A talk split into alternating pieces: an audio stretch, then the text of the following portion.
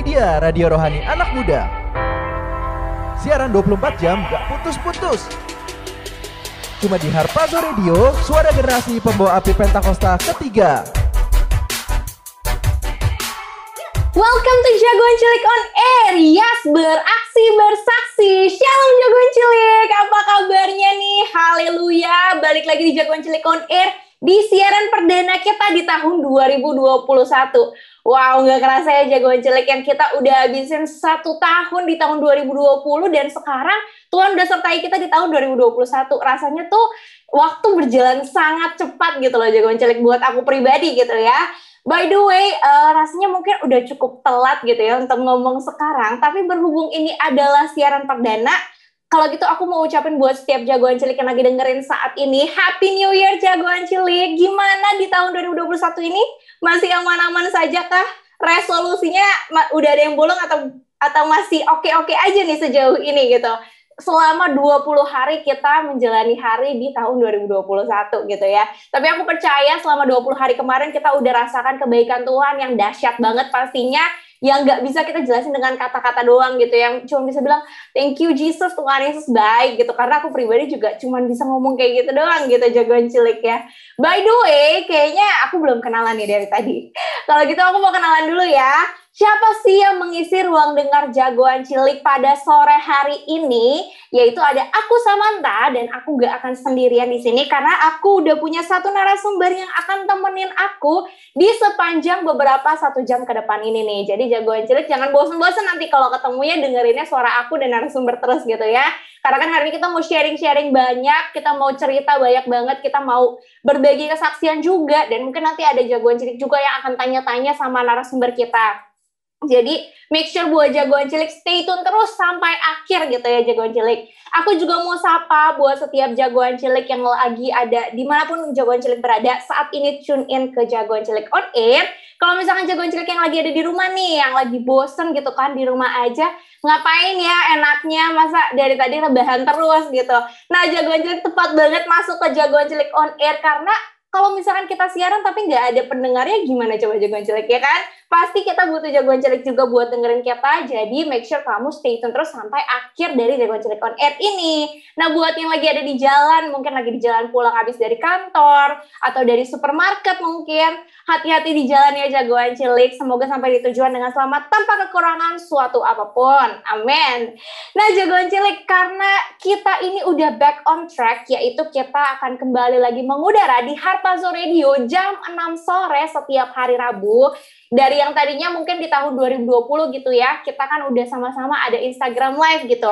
Ada Leader Stock, sempat juga Night Vision, dialog gue gitu ya. Dari yang kita ketemunya tuh sama muka dengan muka sama narasumber kita, sekarang Jagoan cuma bisa dengerin kita via audio aja nih, dengerin suaranya aja nih, tapi nggak apa-apa ya Jagoan Cilik. Sekalipun kita dengerin audionya aja, aku mau say thank you banget buat Jagoan Cilik yang udah setia dengerin JC on air dari dulu sampai sekarang di sepanjang tahun 2020 dari sebelum pandemi atau mungkin pendengar-pendengar yang baru bermunculan setelah pandemi yang nonton kita di Instagram live. Gak apa-apa jagoan cilik, aku mau say thank you banget buat kesetiaannya jagoan cilik dengerin JC on air sampai saat ini gitu ya. Aku berharap biar ke depannya jagoan cilik on air bisa terus jadi berkat buat teman-teman semuanya, khususnya di tahun yang baru ini kan New Year, New Us gitu ya jagoan cilik. Oke, tapi aku nggak mau ngoceh-ngoceh sendirian doang nih di sini jagoan cilik. Jagoan cilik bisa juga nanya-nanya ke narasumber kita hari ini. Caranya gampang banget, jagoan cilik langsung aja follow Instagram kita di @jc.onair karena kita akan buka forum question itu setiap hari Sabtu atau enggak setiap hari Minggu nih jagoan cilik. Jadi buat kamu yang mau nanya-nanya untuk siaran hari Rabu ini nih, contohnya hari Rabu hari ini, kamu bisa ngisi di question box hari Sabtu atau hari Minggu yang kemarin kita udah sempat masukin gitu jagoan cilik. Nah kalau ketinggalan gimana? Gak apa-apa, jagoan cilik bisa kirim lewat DM juga atau enggak jagoan cilik juga bisa ikut di question and answer yang selanjutnya ya jagoan cilik. Jadi make sure untuk follow terus Instagram kita supaya kamu nggak ketinggalan info-info terupdate tentang JC on Air. Karena kita juga mau interaksi pastinya sama jagoan cilik, kita nggak mau dari satu arah doang, tapi kita mau dari jagoan cilik juga buat kita nih teman-teman semuanya ya.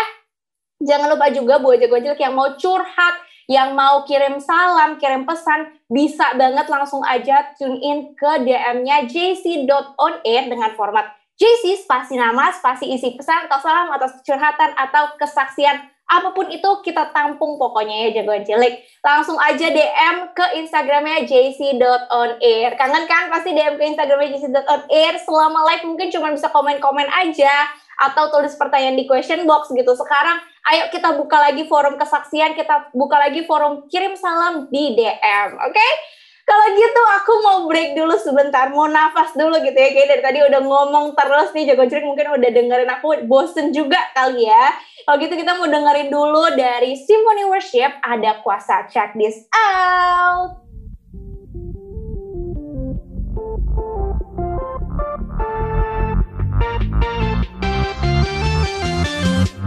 Ada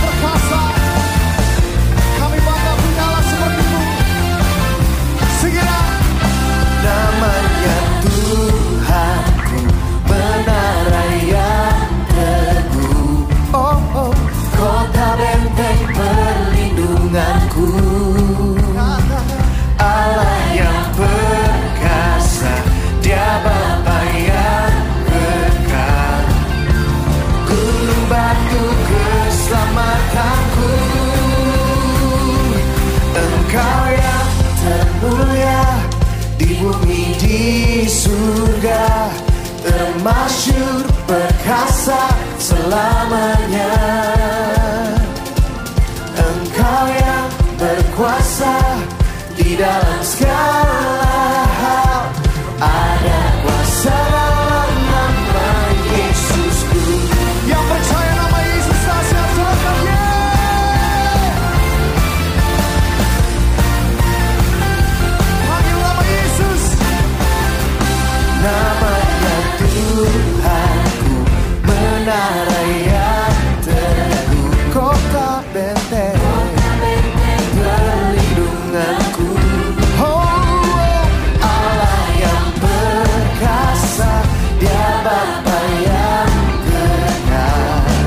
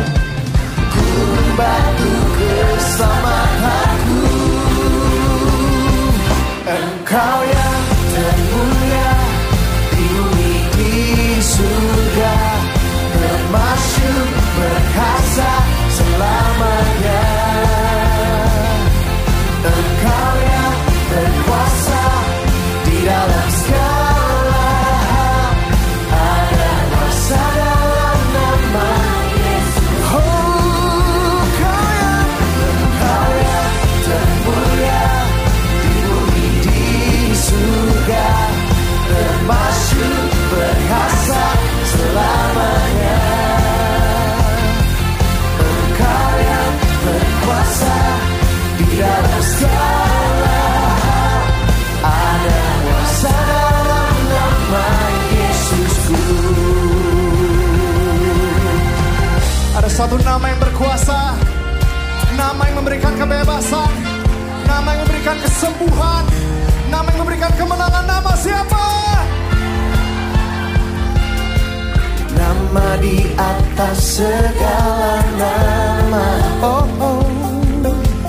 Nama yang telah membebaskanku Segala kuasa tunduk. Pada nama Yesus Yesus Tuhan segala Tuhan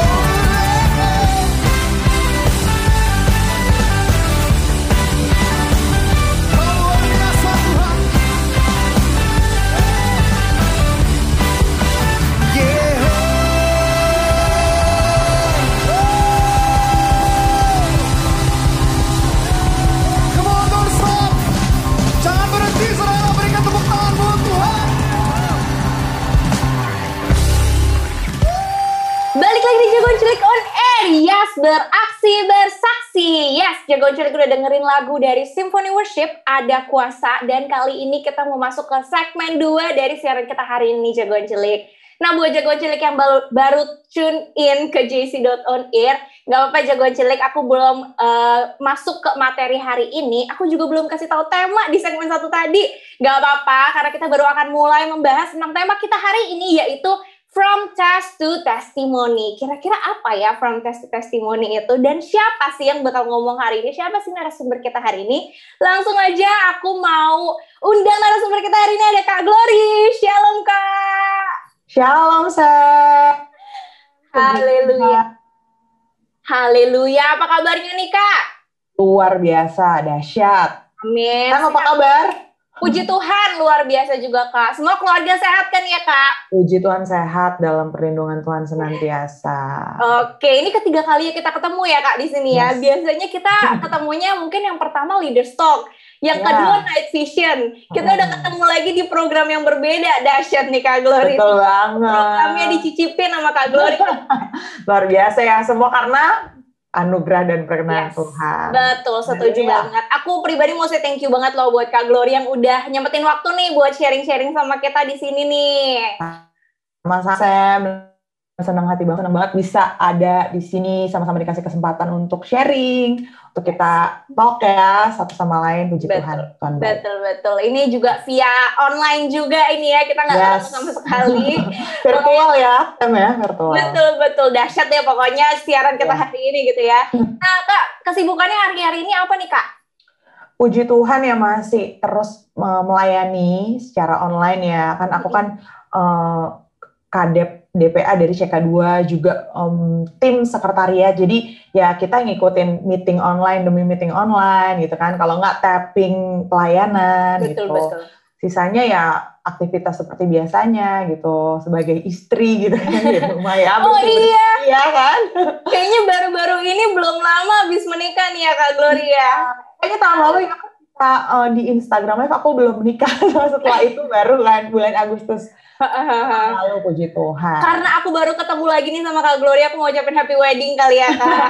Thank you Sam. Ya, semoga Tuhan terus uh, sertai pernikahannya Kak Glory sampai nanti. Ya, Amin, amin, amin, amin. Oke Kak, tanpa berlama-lama lagi mungkin kita langsung aja masuk ke tema kita hari ini nih Kak, gitu ya. Tema hari ini kan adalah from test to testimony gitu Kak. Kira-kira Hmm. apa sih yang mau Kak Glory sampaikan tentang from test to testimony ini? Eh, kemarin ya pas Sam eh, tanya gitu ya dan kasih bahwa tema yang akan diangkat hari ini adalah from test to testimony itu kayak buat aku pribadi sih em, ini bener-bener apa yang aku baru saja alami hari-hari ini gitu. Dan sebenarnya banyak sih yang mau yang bisa kita saksikan ya. Cuma yang baru-baru ini aku alamin itu juga suatu pengalaman yang luar biasa bersama Tuhan. Jadi eh, dari tema yang diangkat eh, hari ini tuh aku bersyukur banget karena Tuhan tuh kayak ingetin lagi Tuhan kasih pesan lagi Tuhan remind lagi untuk apa untuk eh, terus percaya dan bahwa apa yang Tuhan izinkan untuk kita alami itu dapat menjadi suatu kesaksian hidup bagi kita pribadi dan bagi orang-orang di sekitar kita, orang-orang di luar sana gitu yang mungkin akan mendengar kesaksian kita gitu. Amin, amin. Kak Glory sendiri udah melayani eh, berapa lama nih Kak?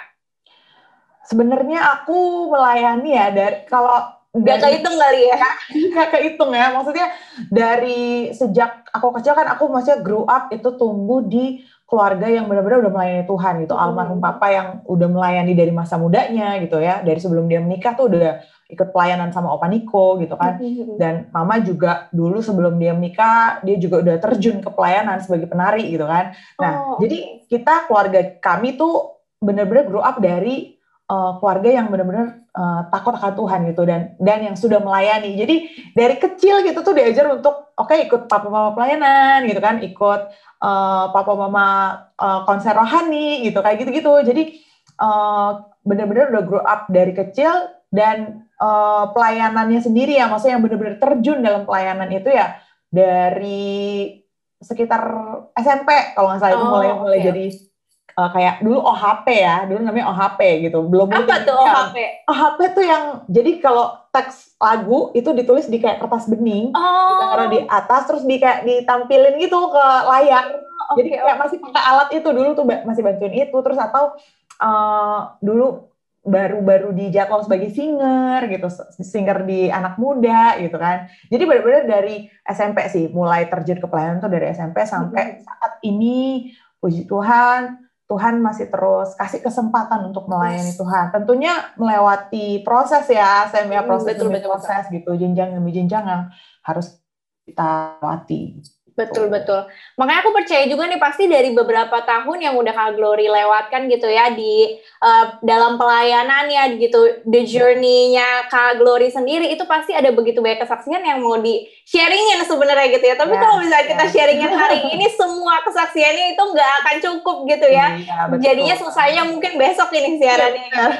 non stop nanti jadinya ya. Benar, benar, benar. Pastinya ada begitu banyak kesaksian Tuhan yang sebenarnya mungkin kadang-kadang juga tanpa kita sadari terjadi dalam kehidupan kita gitu. Yes, true. Banget, bener. Tapi kalau misalkan kita ngomongin tentang from test to testimony ini gitu ya kak, kira-kira apa sih dari kisah di Alkitab yang mungkin jadi inspirasi? Oh, gue harus bersaksi nih buat eh, tesnya gue, gue harus bersaksi nih buat eh, apa namanya untuk eh, proses yang gue dapet nih gitu. Sebenarnya eh, kalau dari Alkitab tuh banyak banget ya eh, cerita-cerita yang sangat nggak cuma inspiratif tapi kayak jadi acuan kita untuk wah ini aja tuh nabi-nabi Tuhan dari semenjak dulu gitu ya zaman dulu sebelum kita ada di bumi ini mereka tuh sudah melewati banyak hal dan ujungnya apa ujungnya itu kan selalu penyertaan Tuhan yang nyata terjadi atas hidup mereka dan salah satunya yang bisa aku eh, apa namanya yang menginspirasi aku ya salah satunya dari banyak eh, cerita-cerita dari nabi, rasul ataupun murid Tuhan gitu. Salah satunya ya eh, Ayub gitu ya. Oh, Seorang Ayub yang benar-benar dikasih cobaan dan ujian sama Tuhan. Itu Tuhan yang izinkan terjadi kan. Yang Iya. dia tadinya kaya, punya keluarga yang luar biasa gitu kan. Punya kehidupan yang luar biasa bisa dibilang bahagia gitu kan. Dia kaya, dia punya anak istri yang uh, cantik-cantik gitu. Dia punya teman-teman yang luar biasa. Tapi pada akhirnya ketika ujian itu Tuhan izinkan terjadi dalam hidupnya, wah itu kan dari kayak titik tertingginya dia terus sampai ke titik terendahnya dia mungkin kita bisa betul, bilang. betul, Ya betul. kan mungkin kita Kayak berputar 180 derajat gitu ya. Betul banget. Eh, kita yang cuma baca aja kayak wow itu ngerasain banget kan kayak empatinya gitu. Wah dia gimana ya saat itu ya? Gitu kan kita bisa kayak mikir ya gimana saat Ayub bisa melewati ujian tersebut yang di mana dia harus eh, ditinggal keluarganya dia harus kehilangan harta kekayaannya dia ditinggal sama temen nggak punya siapa-siapa lagi intinya gitu. Udah sampai dikasih apa penyakit juga gitu kan yang sampai dia katanya garuk-garuk pakai Aduh, gitu iya iya benar benar benar. kalau kita bayangin tuh kayak ya ampun gitu kan Eh, gimana kalau kita yang ada di posisi Ayub gitu kan? Dan itu yang menjadi salah satu cerita yang benar-benar menginspirasi aku dan kayak Ayub aja bisa loh melewati semua ini. Yes. Eh, kita pun sebagai prajurit-prajurit Tuhan gitu sebagai jagoan-jagoan ciliknya Tuhan pasti Tuhan akan mampukan kita gitu seperti Ayub gitu kan. Belum lagi hal-halnya eh, hal-hal yang lain kayak Musa gitu. Nabi Musa yang dia yang tadinya cuma apa di mau dibuang gitu ya di Sungai Nil dan Tuhan angkat gitu. Dia nggak jadi meninggal dia nggak jadi mati. Kalau misalnya bukan karena perkenanan Tuhan dia bisa aja Iya. kan kayak tenggelam gitu ya di Betul, air betul. Sungai Nil itu. Tapi karena perkenanan Tuhan anugerah Tuhan Tuhan sudah pilih dia dia bisa dimampukan untuk apa akhirnya memimpin bangsa Israel untuk keluar dari Mesir. Setelah melewati 10 tulah itu ya yang nggak enak nggak enak itu. Jadi benar-benar kayak wah eh, kisah-kisah di Alkitab ini sungguh-sungguh sebenarnya harusnya menguatkan iman kita gitu. Kita belajar banyak dari eh, nabi-nabi dan rasul-rasul yang ada di Alkitab ini gitu. Dan juga eh, di kalau di perjanjian baru banyak juga kan murid-murid Tuhan yang ngalamin pencobaan, ujian gitu. Eh, contohnya ya Tuhan Yesus sendiri gitu, the man of integrity yang kita tahu ya Tuhan Yesus yang harus menyerahkan hidupnya kayu salib gitu kan padahal dia nggak punya salah apa-apa gitu ya dia benar-benar orang yang sangat berintegritas gitu yang benar-benar eh, baik nggak pernah eh, apa namanya ngelakuin kejahatan tapi dia harus menanggung itu semua di kayu Iya. salib untuk kita gitu untuk kita Betul. umat manusia jadi benar-benar wah aku kalau baca Alkitab baca Firman Tuhan tuh kayak benar-benar menyentuh hati banget kayak ini loh ka- kamu harus meneladani mereka gitu iman Yes. mereka gitu kan iman percaya mereka gitu apa yang mereka lakukan gitu walaupun pasti ada secara manusia ada nggak enaknya, ada sedihnya, ada khawatir gitu, ada pikiran manusia yang uh, dialami. Tapi ujungnya lihatlah bahwa mereka bisa finishing well gitu, mereka Iya. bisa menang gitu atas segala uh, ujian pencobaan yang mereka alami. Jadi Amin. itu sih saya yang bisa aku sharingin sekilas gitu ya Amin, amin. tadi Alkitab. Karena Iya. sebenarnya kalau kita lihat-lihat juga eh, kesaksian-kesaksian tokoh-tokoh Alkitab di Alkitab itu yang menguatkan setiap kita gitu Hmm. Ya kan. betul banget. betul Pastinya banget. ketika kita bersaksi juga tentang kebaikan Tuhan, tentang proses yang kita alami gitu, itu juga pasti menguatkan ke orang lain gitu ya. Dampaknya pasti berasa juga gitu. Jadi kayak Betul. ada satu apa ya rantai kali gitu ya yang Hmm. nggak boleh diputus gitu ya Ya, kak. betul, betul banget. Itu kan maksudnya eh, kisah-kisah di Alkitab itu tuh jadi contoh gitu ya buat Hmm. kita. Maksudnya ini loh Tuhan udah melakukan perkara yang besar buat mereka, apalagi kita gitu yang hidup di zaman ini. Pasti Tuhan bisa melakukan jauh yang lebih besar lagi gitu dan Amin. pasti kita bisa melewatinya bersama Tuhan gitu. Amin, amin. Amin. Oke, kalau gitu mungkin eh, kita stop dulu sampai di sini gitu ya kan. Nanti mungkin Yes. kita lanjut lagi ke segmen selanjutnya. Tapi sebelumnya aku mau ingetin buat jagoan cilik nih yang mau interaksi sama-sama dengan kita. Gampang banget caranya jagoan cilik bisa follow dulu Instagram kita di @jc.onair karena kita akan buka forum pertanyaan itu setiap hari Sabtu atau setiap hari Minggu nih jagoan cilik. Jadi make sure kamu nggak ketinggalan nih ketika kita buka forum question supaya kamu bisa drop your question buat narasumber kita selanjutnya dengan tema yang nggak kalah memberkati pastinya. Nah, jagoan cilik juga bisa nih kirim-kirim pesan ke kita atau kesaksian atau curhatan. Langsung aja DM ke Instagram kita di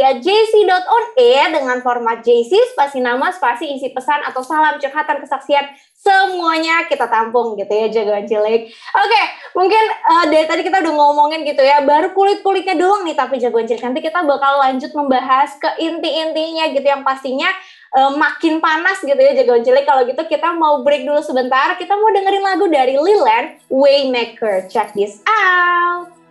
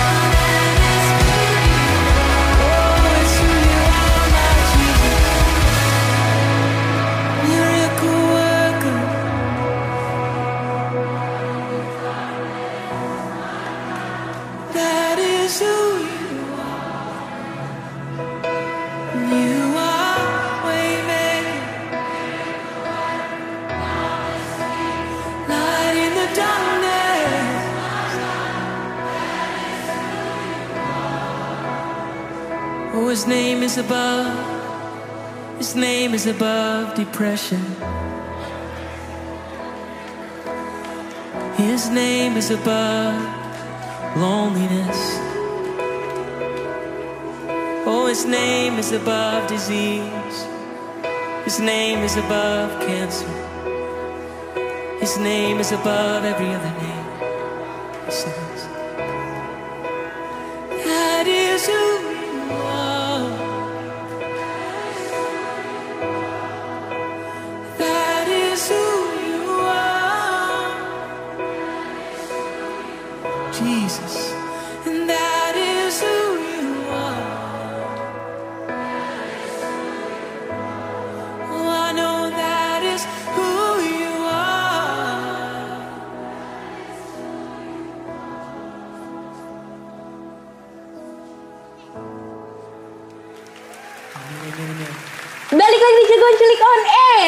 Beraksi bersaksi. Oke, Jagoan Cilik balik lagi sama aku Samantha di JC on Air hari ini siaran perdana kita di tahun 2021. Eh, buat Jagoan Cilik yang baru tune in ke JC on Air, aku mau review sedikit nih dari apa yang udah kita dengar dari Kak Glory di segmen sebelumnya yaitu tentang from test to testimony gitu. Di mana kita percaya kalau misalkan segala sesuatu yang Tuhan sediakan buat kita, proses apa pun itu kita harus jadi kesaksian buat orang banyak dan itu pasti akan memberkati buat orang banyak juga gitu ya. Kalau kita lihat dari kisah-kisah di toko Alkitab gitu ya yang sangat-sangat memberkati khususnya yang menginspirasi Kak Glory, tadi Kak Glory udah cerita juga. Itu ada dari Ayub nih jagoan cilik yang gimana kehidupannya itu berubah 180 derajat gitu ya dari yang titik teratas dari kehidupannya tiba-tiba jadi titik terendah gitu tapi dia tetap setia sama Tuhan. Dan uh, ketika dengar itu tuh jadi kesaksian yang dahsyat gitu teman-teman buat kita semua. Dan aku percaya teman-teman juga pasti ketika membaca kisah tentang Ayub ini juga uh, berasa gitu ya. Um, menerpa juga ke setiap kita nih yang baca pembaca pembacanya gitu ya jagoan cilik oke Ka- uh, karena tadi kita baru bahas kulit-kulitnya aja nih. Kali ini kita mau masuk ke bagian inti-intinya tapi sebelumnya aku mau ingetin jagoan cilik dulu nih buat interaksi sama kita Caranya langsung aja follow Instagram kita di @jc.onair. Kamu bisa DM ke Instagram kita di @jc.onair tadi dengan format JC spasi nama, spasi isi pesan, salam, curhatan, kesaksian atau pertanyaan juga boleh langsung aja DM ke Instagram kita ya, jagoan cilik. Oke, aku mau undang lagi nih pembicara kita yang dari tadi udah sama-sama dengan kita ada Kak Glory. Gimana Kak uh, dari Yes. tadi pastinya udah siap nih ya Kak kita mau bahas lebih dalam lagi ke inti-intinya nih Kak. Bu, Yes, betul tadi cuma bahas kulit-kulitnya yang sebenarnya kulit-kulit aja tuh udah dahsyat gitu ya. Iya. Jadi kita mau dalemin lagi nih Kak. Mm-mm. Kalau ngomongin soal eh, proses itu sendiri gitu ya Kak, gimana sih Ya. caranya supaya kita tuh bisa merespon proses ini supaya kita eh, supaya proses ini tuh ujung-ujungnya bisa jadi kesaksian gitu Kak. Oke, buat aku pribadi ya Sam ya, dari pengalaman yang sudah benar-benar aku alamin, eh, aku umur 29 tahun gitu ya, memasuki tahun ini mau 30 gitu. Tapi Oke. bersama Tuhan gitu ya, selama 29 tahun tuh banyak banget eh, hal-hal yang terjadi gitu dalam hidupku gitu. Ki- Kita gini aja, kita kasih ilustrasi gini aja, aku kasih ilustrasi seperti ini. Kita eh, kalau mau sekolah aja kan ada jenjangnya gitu ya, SD, SMP, SMA. Dan selama kita sekolah akan ada ujian-ujian yang kita lewati gitu kan, ujian semester, ujian akhir Betul, gitu.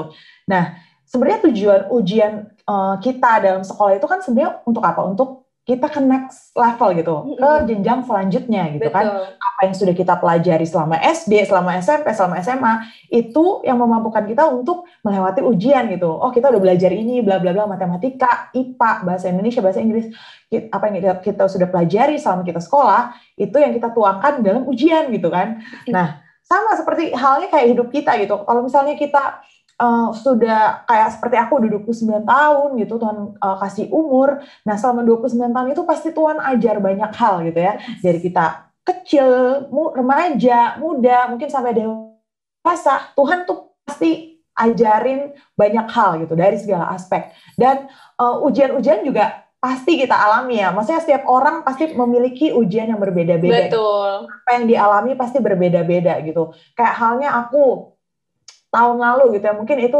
salah satu titik terendah dalam hidupku di mana aku harus kehilangan eh, ayah, kehilangan Hmm. papa terkasih yang benar-benar mendadak gitu ya, nggak ada di pikiran, nggak ada feeling apa pun gitu tiba-tiba papa dipanggil Tuhan, tapi aku percaya itu rencana Tuhan yang terbaik gitu yang terjadi, Yes. yang harus terjadi buat hidupku dan keluargaku.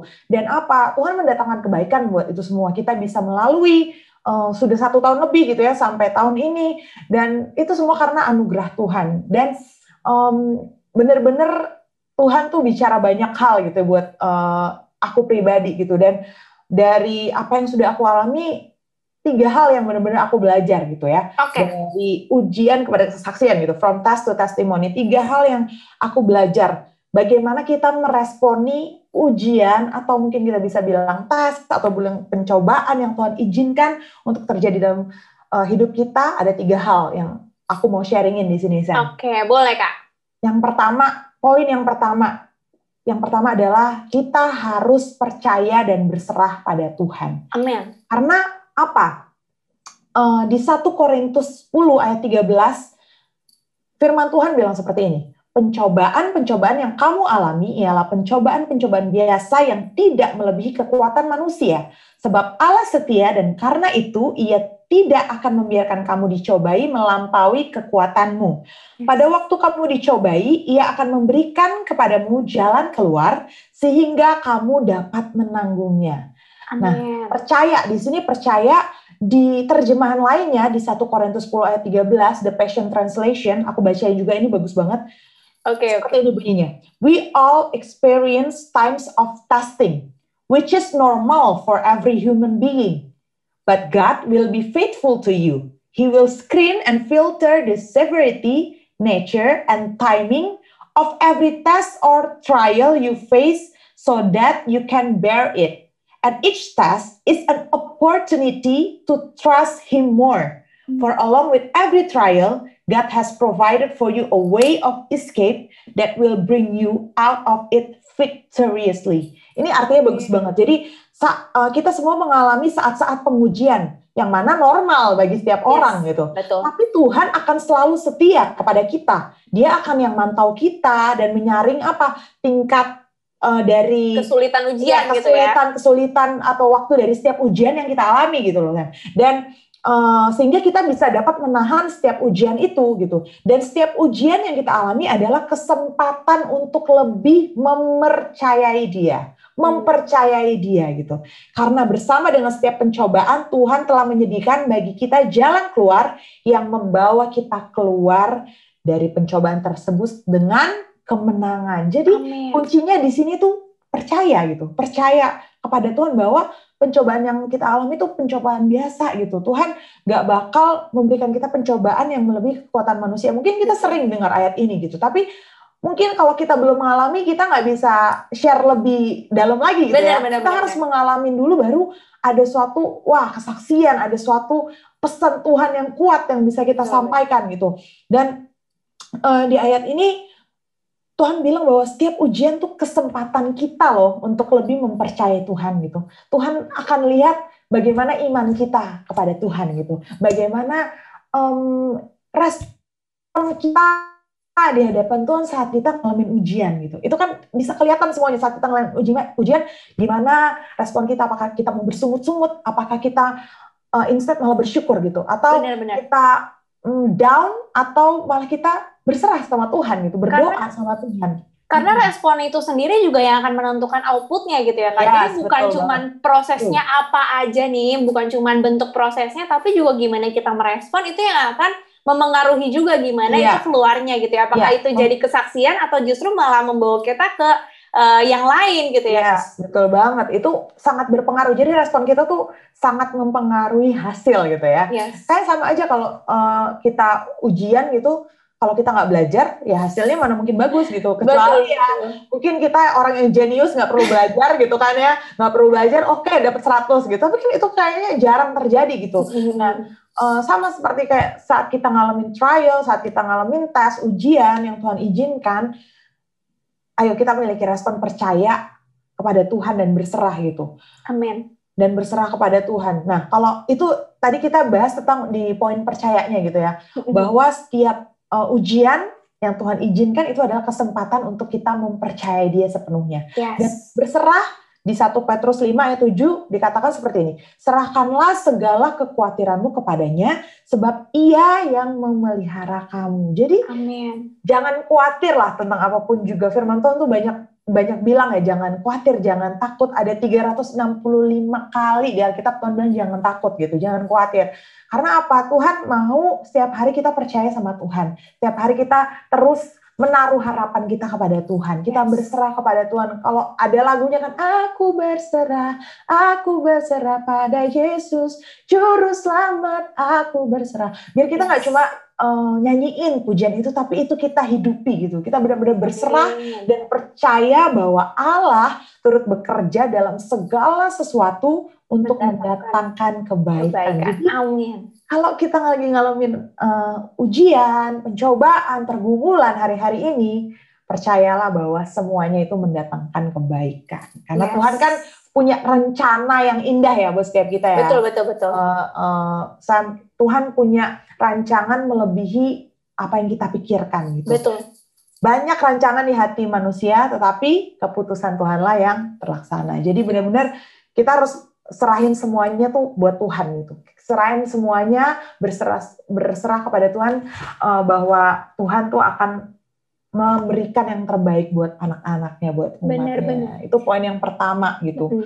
Karena balik lagi balik lagi semua kehidupan kita cuma punya Tuhan gitu ya. Yes, betul Tuhan banget. tahu setiap seluk beluknya kehidupan kita, yeah. gimana detail plannya ke depan yes. di dalam masa depan kita kita nggak hmm. bisa apa-apa kecuali kita berserah gitu. Tapi mungkin yeah. berserah juga bukan berarti kita sepenuhnya nggak uh, berusaha apa-apa gitu yeah, ya. betul. Berserah kepada Tuhan itu juga perlu disertai usaha loh jagoan yeah. Nggak bisa juga kalau ujian oh. di sekolah terus kamu cuma berserah aja deh Tuhan berserah nggak hmm. mau belajar nggak mau usaha belajar kan nggak mungkin gitu. Iya yeah, betul. Berserah bukan berarti menyerah gitu, tapi berserah tuh kita uh, memberikan yang terbaik gitu, all out gitu buat Tuhan dan sisanya biar Tuhan gitu yang uh, ambil alih gitu yes. Tuhan yang bekerja yang penting dari kitanya dulu udah berusaha gitu yang terbaik Tuhan ini yang aku bisa berikan uh, untukmu ini yang bisa aku uh, nyatakan untukmu gitu nggak cuma oh ya udah deh percaya aja lah Tuhan, tapi nggak ngapa-ngapain. Jangan sampai kita kayak gitu juga ya, jagoan cilik ya. Iya, Tapi kita benar-benar uh, kalau kata orang tuh ora et labora bo- bora ya, berdoa Mhm. dan belajar. Kita nggak cuma berdoa aja, tapi kita belajar dan berusaha gitu yang terbaik. Menyenangkan hati Tuhan ujung. Amin. Oke, Itu kalau tadi yang pertama berarti berserah dan percaya ya. Percaya dan berserah kepada Tuhan gitu ya. Nah, tadi dicatat Yes. tuh jagoan cilik ya. Ya. Kalau yang kedua apa nih, Kak? Ya. Yang kedua, poin yang kedua yang mau aku sampaikan adalah terus perkatakan firman Tuhan dalam doa, pujian dan penyembahan. Itu poin yang kedua gitu.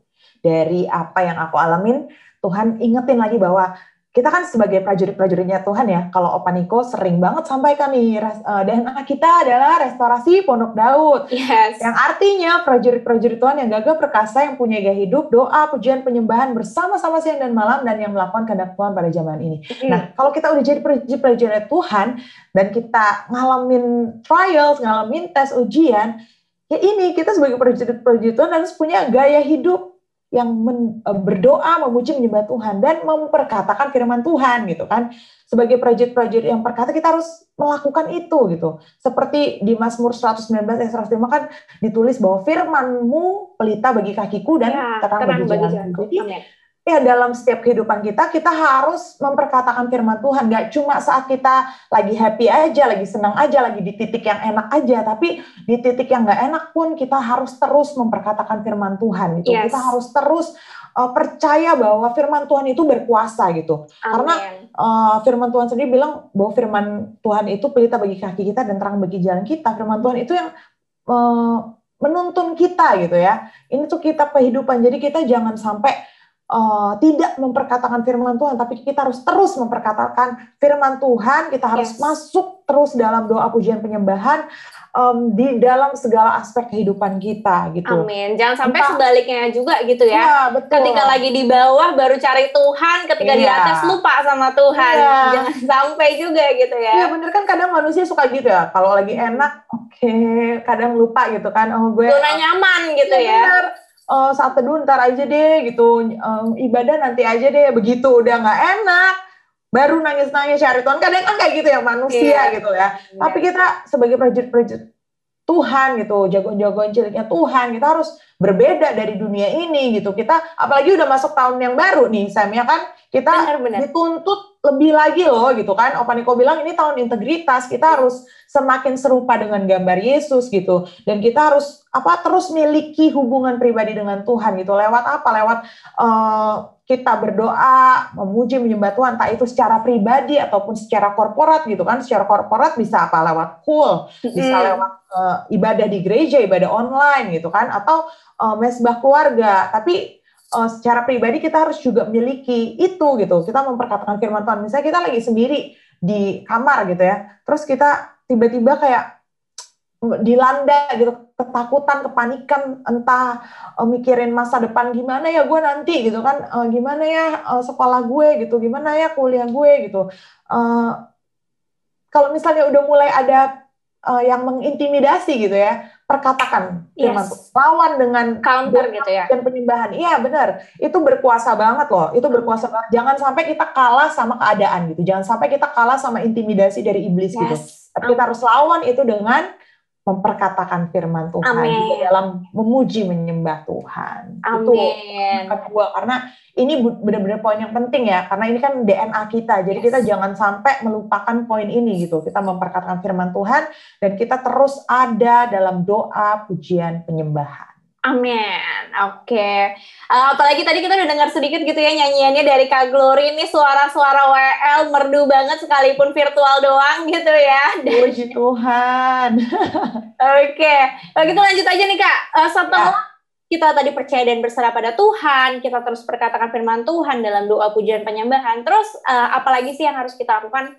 Eh, tadi aku nambahin sedikit yang di poin 2. Jadi waktu waktu masa-masa aku dalam eh, eh, ujian gitu ya.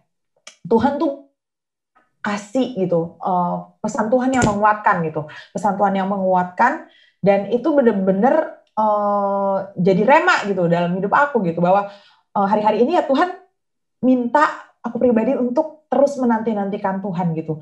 Seperti di Yesaya 40 dikatakan um, dia memberi kekuatan kepada yang lelah dan menambah semangat kepada yang tiada berdaya. Yesaya 40 ayat 29. Jadi benar-benar uh, saat kita suka gitu ya untuk memperkatakan firman Tuhan dalam doa pujian penyembahan, Tuhan tuh akan terus kasih firman-Nya menguatkan hidup kita. Nah, yang selanjutnya, poin ketiga, poin yang terakhir nih Sam ya, yang aku benar-benar dapetin dari Tuhan, dari Roh Kudus bahwa apa yang aku mau sharingkan di tema ini gitu ya, from test to testimony yang ketiga yaitu adalah bersuka cita, rejoice the Lord always gitu ya. Uh, karena di Amsal 17 ayat 22 sendiri kan di, ini pasti pada tahu semua lah ya. Hati yang gembira adalah obat yang manjur, tapi semangat yang patah mengeringkan tulang. Jadi benar banget gitu. Ini uh, dalam segala aspek kita harus terus bersuka cita. Jangan yes. seperti yang tadi kita udah bahas ya Sam ya. Jangan pas di saat uh, senang-senang aja kita bersuka cita, tapi saat kita ngalamin yang enak pun, ayo kita belajar untuk bersuka cita. Amin. Gitu. Karena kalau kita tahu ya di dunia medis aja tuh di, dibilang bahwa saat kita bahagia, happy, gembira, atau dalam kata lain kan kita bisa bilang itu bersuka cita gitu ya. Hmm. Itu ada hormon endorphins yang keluar dari oh. kita, ya kan? Betul, yang betul. mana hormon itu tuh merupakan penghilang rasa sakit alami. Jadi kalau misalnya kita lagi entah itu sakit hati, sakit secara jasmani gitu ya, sakit kesehatan atau sakit pikiran gitu, sakit hati, itu tuh bisa saat kita um, apa ambil tindakan untuk oh gue mau bersuka cita, gue mau rejoice in the Lord always gitu. Itu yang akan keluar dari tubuh kita secara alami yes. gitu. Itu yang menyembuhkan tulang-tulang kita dari uh, semangat yang patah gitu. Karena firman Tuhan sendiri bilang hati yang gembira adalah obat yang manjur. Jadi dalam segala keadaan be happy, rejoice in the Lord always gitu. Bersuka citalah gitu. Uh, dan uh, di Roma 12 ayat 12 juga dikatakan seperti ini.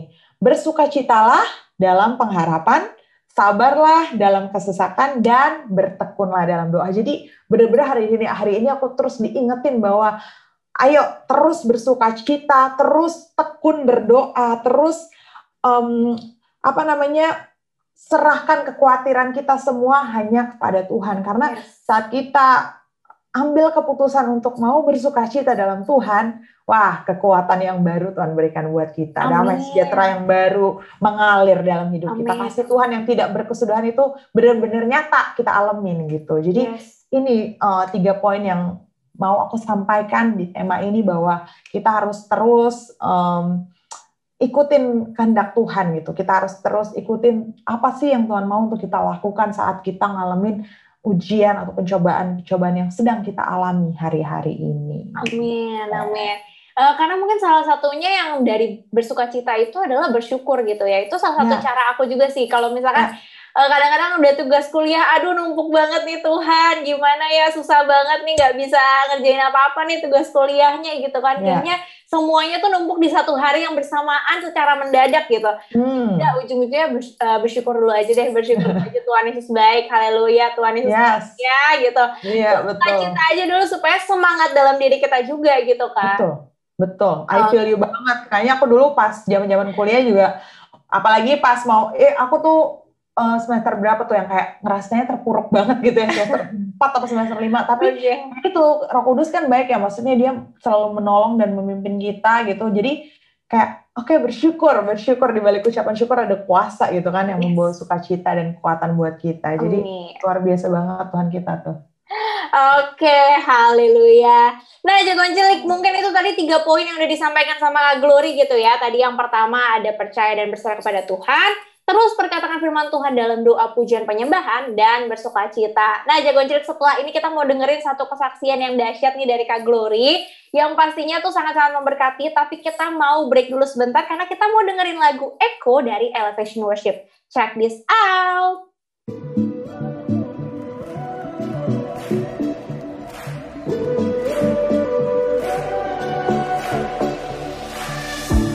When night has fallen fear is coming, still you're calling me. When faith is lost and my hope exhausted, you will be my strength. When my mind says I'm not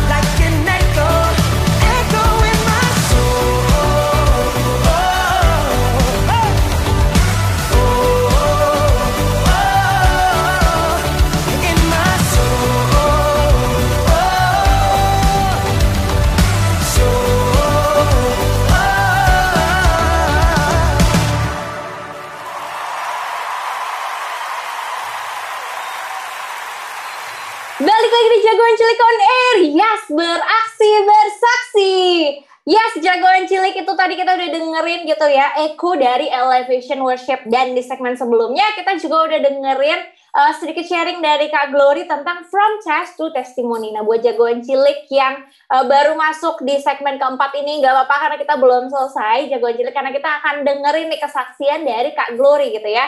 Tapi mungkin sebelumnya aku mau review sedikit nih tentang segmen sebelumnya. Apa sih yang uh, kita harus respon ketika kita tuh mengalami ujian atau pencobaan gitu jagoan cilik karena respon itu juga menentukan hasilnya. Yang pertama kata Kak Glory adalah percaya dan berserah kepada Tuhan. Dan yang kedua, terus perkatakan firman Tuhan dalam doa, pujian dan penyembahan sesuai dengan DNA-nya setiap kita gitu ya. Dan yang ketiga adalah bersuka cita karena itu sangat-sangat memengaruhi kalau dalam bahasa kedokteran tadi ada apa gitu? Hormon endorfin kalau nggak salah gitu ya. Kebetulan bukan anak dokter nih mohon maaf gitu.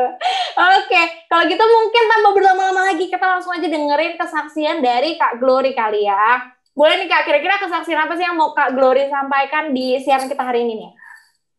Oke, well, jadi uh, aku mau sharingin kesaksian yang baru-baru ini aku alamin ya, tahun lalu Oke. sebenarnya, tahun lalu, tapi kan kayak ini masih Januari, jadi beberapa minggu lalu gitu, beberapa Oke. minggu lalu. Jadi awalnya itu aku ada diminta untuk melayani sebagai WL di uh, pemberkatan pernikahan kerabat gitu ya, Oh. cukup dekat lah gitu. Jadi diminta, sebenarnya aku keluar juga bukan nggak sering kan gitu. Jadi itu karena ada kepentingan aja gitu kan kayak gini uh, harus uh, jadi apa WL di pemberkatan pernikahan dan harus ikut GR gitu technical meetingnya segala macem gitu. iya betul Jadi ikut. Nah, itu tanggal 8 uh, waktu itu technical meeting GR itu di tanggal 13 Desember kalau nggak salah. 13 Desember. Terus uh, udah semua berjalan dengan baik gitu ya. Aku juga uh, apa namanya? kondisiku fit gitu, sehat gitu. Nah, balik dari GR singkat cerita, tiba-tiba aku tuh kayak uh, meler-meler gitu, kayak ngerasa mau Hmm. flu gitu ya. Ngerasa mau flu, tapi kok kayaknya maksudnya nggak yang sampai mampat gitu jadi cuma meler aja gitu flu biasa oh kenapa nih gitu kan. Oh, Oke, okay. ya minum lah vitamin vitamin biasa gitu kan, vitamin biasa udah.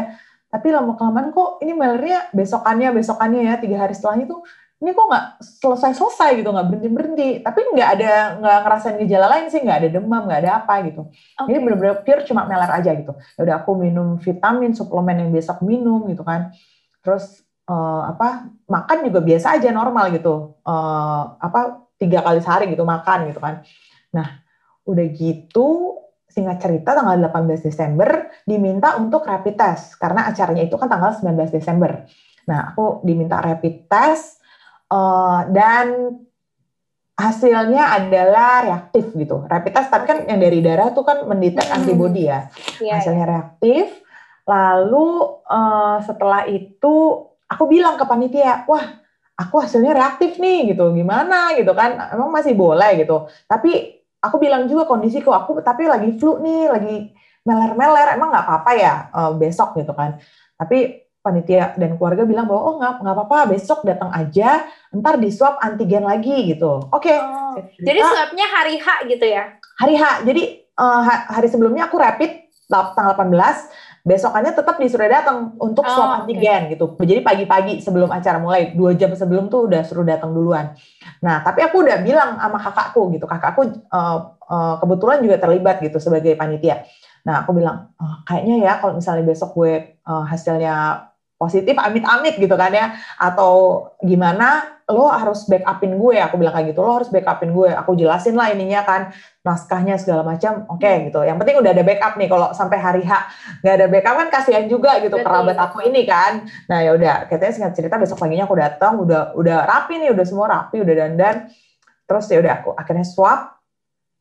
Nunggu 15 menit hasilnya ternyata positif.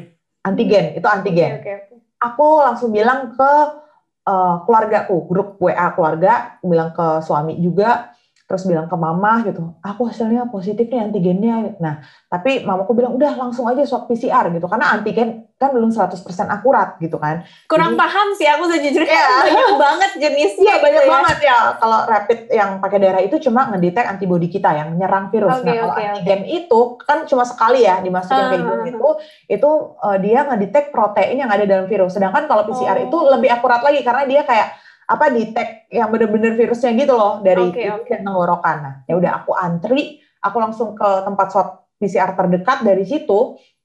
Yang antrinya juga satu setengah jam, aduh rame oh. banget ya. Sampai itu kayak SCBD tuh dikelilingin gitu sama mobil-mobil hmm, tuh cuma buat swab doang. Nah pokoknya setelah satu setengah jam udah kan hasilnya H plus satu besokannya gitu kan. Jadi Kak Glory nggak bisa ikut tuh acaranya? Enggak, aku uh, dibilang oh iya kak maaf ya gitu kan. Semoga cepat pulih uh, nanti. Untungnya aku bilang ya aku aku digantikan nih sama kakakku yang ada di dalam aku bilang. Oh iya oke okay, oke. Okay. udah akhirnya aku pulang aku pulang nanti ya udah habis itu kan swab hasilnya hapus satu. Terus wah di, di situ udah mulai kayak waduh gimana nih ya gimana ya kok deg-degan gitu ya. Hmm. tapi aku udah pernah swab tapi biasa aja gitu kayak ya udah gitu. Dan hasilnya sebelum sebelumnya negatif gitu kan. Nah yang ini tuh beda gitu rasanya kayak aduh mulai khawatir gitu kan ada khawatir cuma aku berpikir dalam hati tapi gue gejalanya cuma meler doang nggak ada demam nggak ada sesak nafas gitu kan nggak ada yang lain-lain gitu oke okay. uh, eh, itu 19 hari Sabtu tanggal 20-nya itu hari Minggu itu kami di gereja lokalku itu acara anniversary dan uh, anniversary gereja dan Natal gitu kan. Nah, oh, besar nih acaranya. Iya, ya. makanya itu jadi kayak deg-degan banget. Kita tuh udah kayak persiapin sedemikian rupa ya. Jadi uh, kita ini di satu tempat di rumahnya mamaku gitu untuk kayak jadi mini studio gitu. Jadi nanti hostnya di situ, kita pakai green screen segala macam. Hmm. Udah udah persiapin lah gitu dengan matang gitu. Semua alat udah siap segala macam. Terus tiba-tiba tanggal 20 pagi jadi itu kita uh, ibadahnya sore, ya, kebetulan sore karena anniversary cukup panjang itu dua jam lebih gitu. Jadi kita okay. uh, memutuskan untuk ya udah sore aja gitu. Nah terus minggu paginya hasilnya keluar, hasilnya keluar dikirim via WhatsApp hasil swab PCR-ku.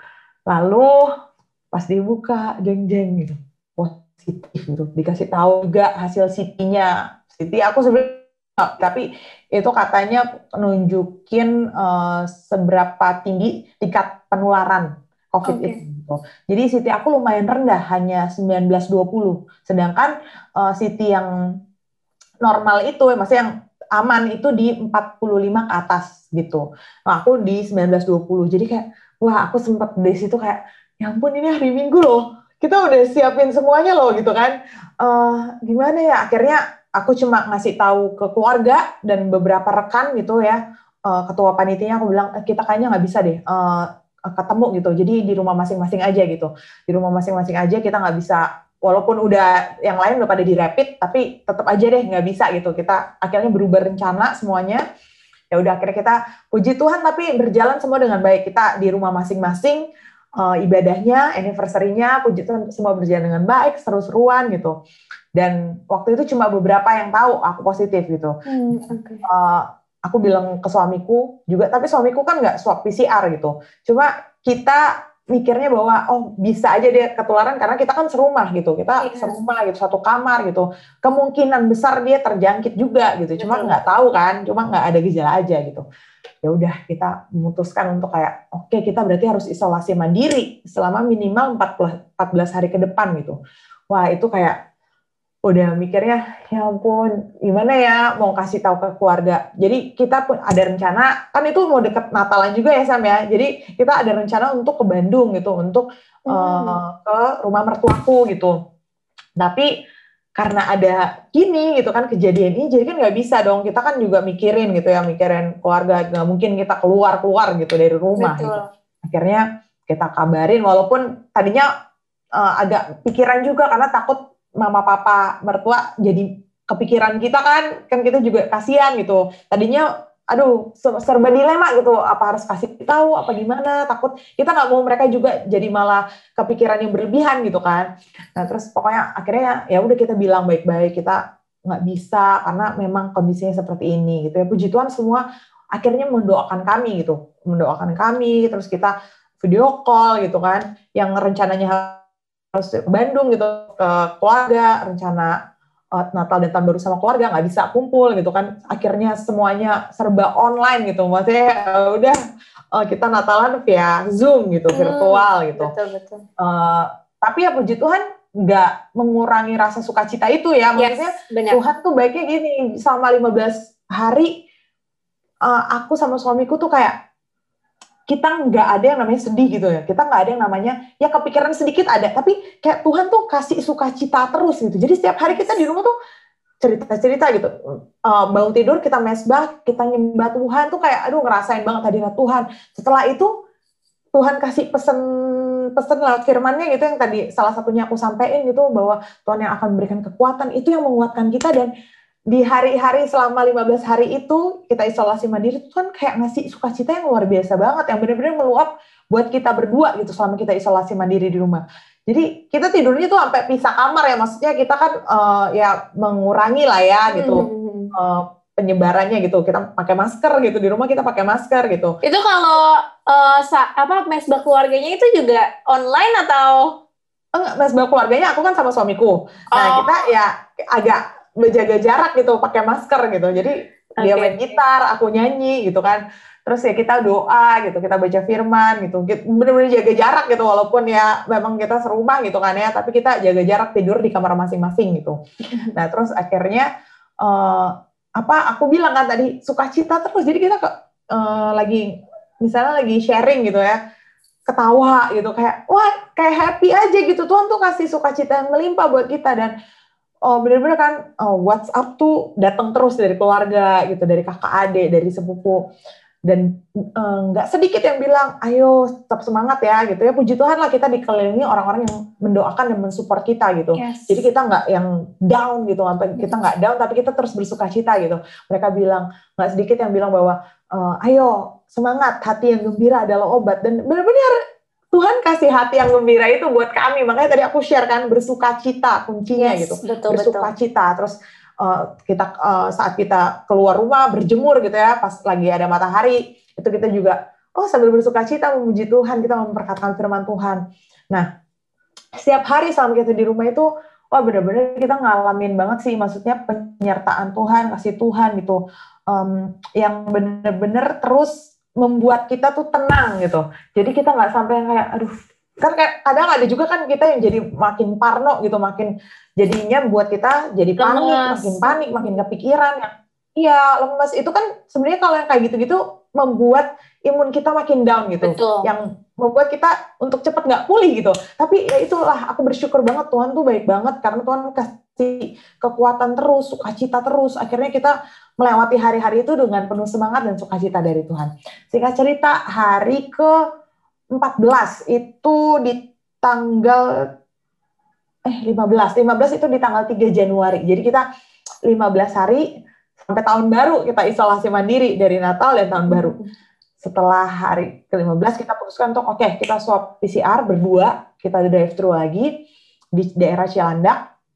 Itu juga rame banget. Aduh aku eh, sampai kayak ngobrol sama teman-temanku yang dokter gitu, mereka bilang, "Iya, Glor, memang hari-hari ini tingkat lagi tingkat eh, COVID-nya lagi naik gitu. Di rumah sakit gue aja nih penuh IGD gitu kan." Hmm. ada temennya adekku bahkan gitu ya temennya adekku bahkan tuh mau masuk rumah sakit susah banget. Jadi benar-benar memprihatinkan pada saat itu ya akhir Desember kemarin. Mungkin, mungkin sampai sekarang kita nggak tahu gitu.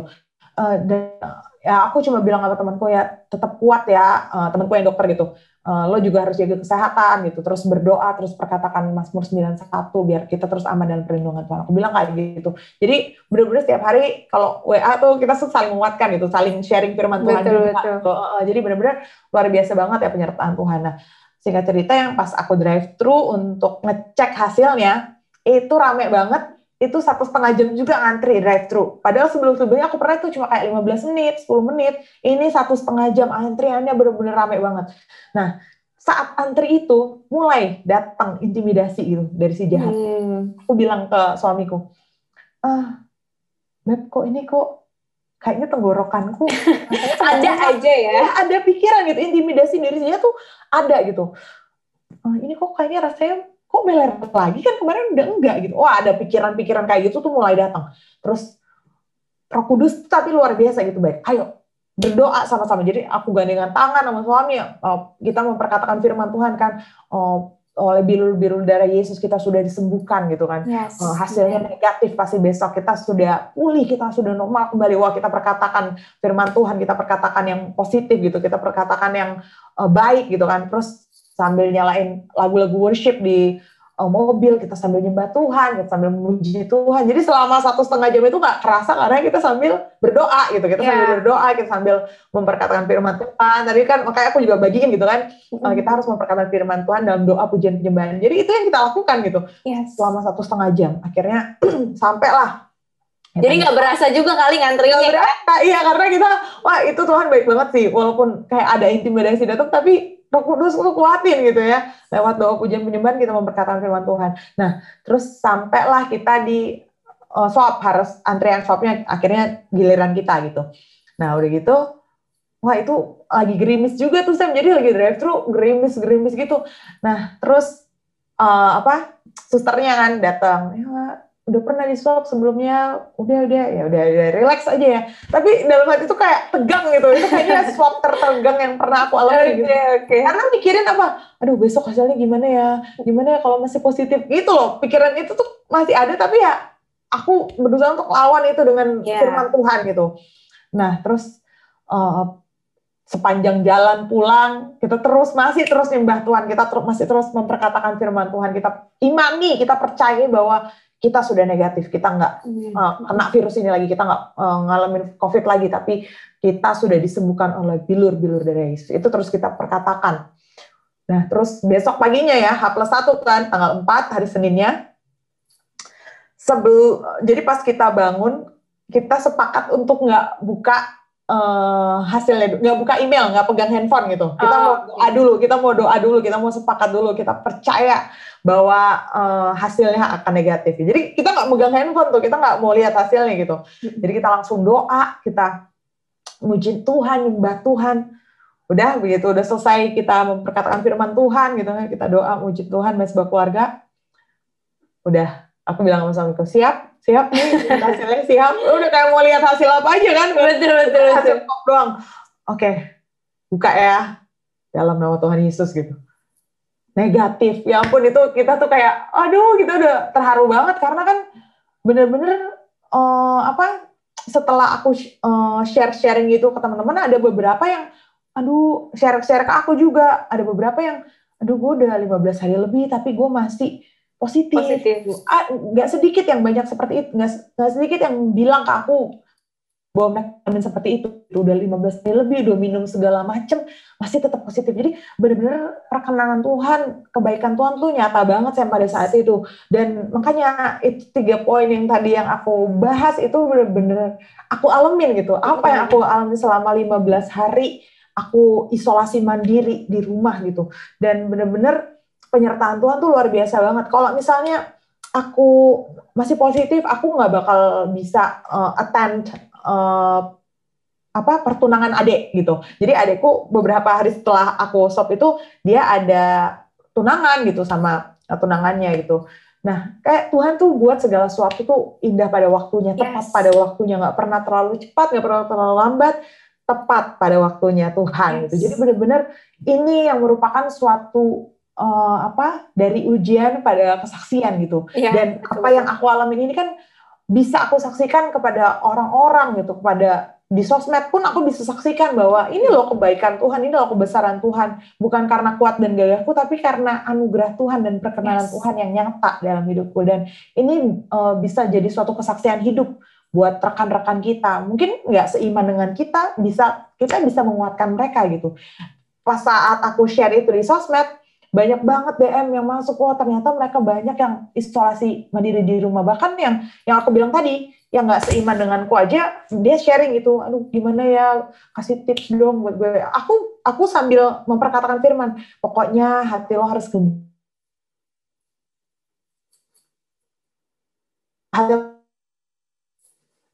buatin kuat.